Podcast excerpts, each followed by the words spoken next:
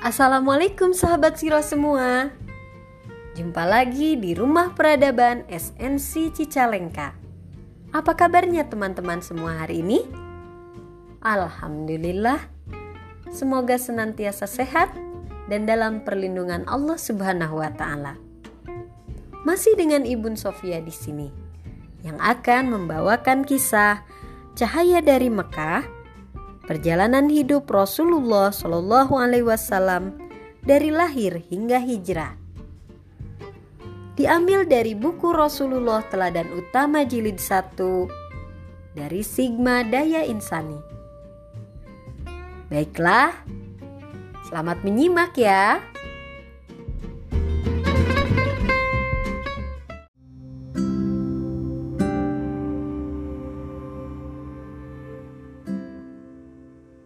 Hiro Muhammad kini berusia 40 tahun. Beliau tinggal bersama istrinya yang bernama Khadijah dan anak-anaknya. Beliau sering menyepi di Gua Hiro. Di sana, beliau beribadah, berdoa, dan berpikir beliau mencari cara untuk memperbaiki kaumnya. Sedih hatinya melihat kondisi masyarakat Mekah yang menyembah berhala, percaya dukun, dan hidup berfoya-foya. Dua tahun berlalu, Muhammad masih sering menyepi di Gua Hiro terutama pada bulan Ramadan. Suatu hari, Muhammad mendapatkan tanda kenabian berupa mimpi yang benar. Seberkas cahaya seterang fajar menyingsing hadir dalam tidurnya. Selama enam bulan mimpi itu datang. Muhammad pun makin sering datang ke Gua Hiro.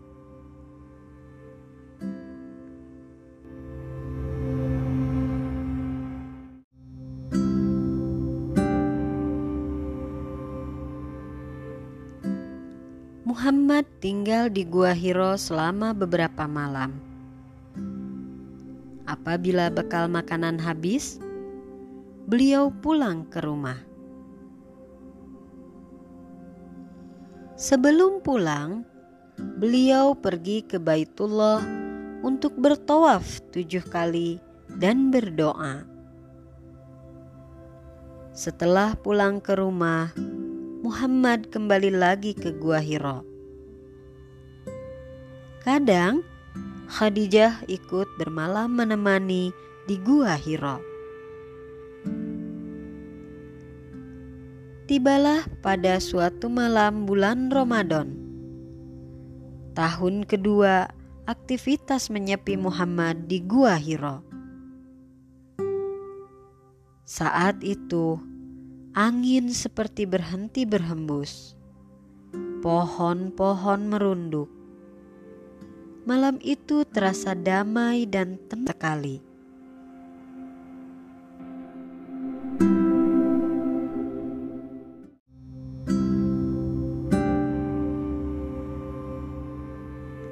Tiba-tiba terdengar suara di tengah keheningan gua.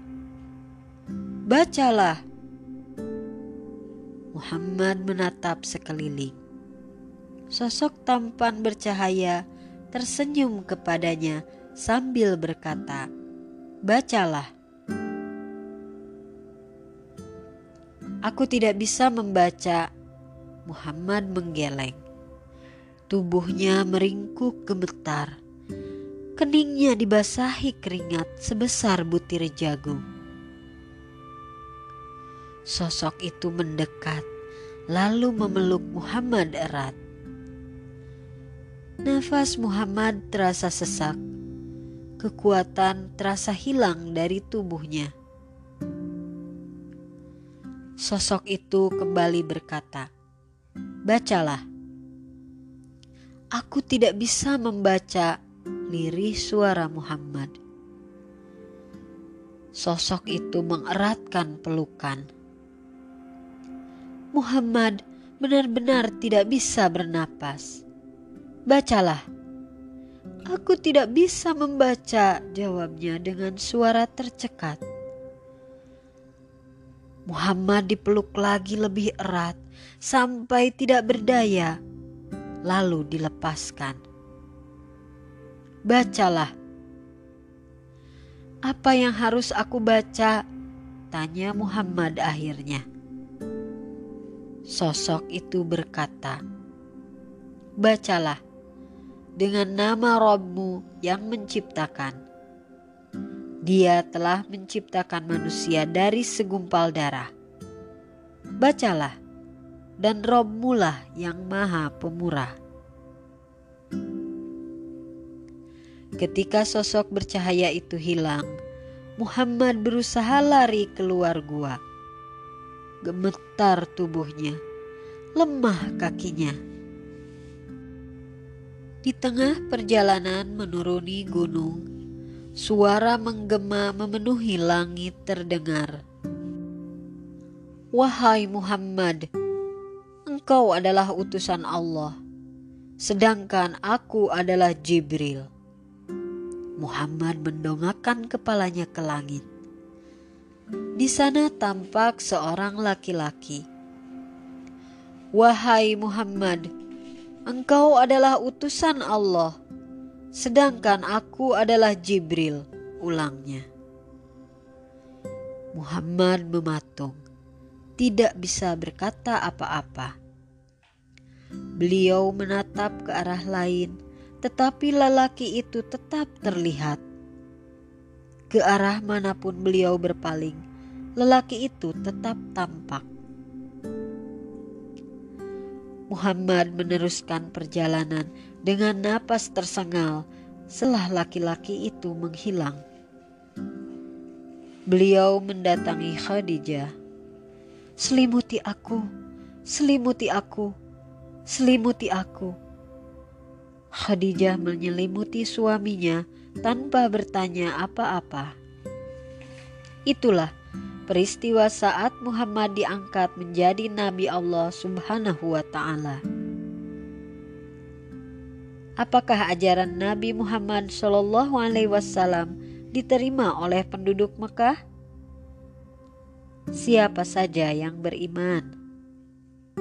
Simak kisah selanjutnya masih dari rumah peradaban Cicalengka. Terima kasih sudah menyimak.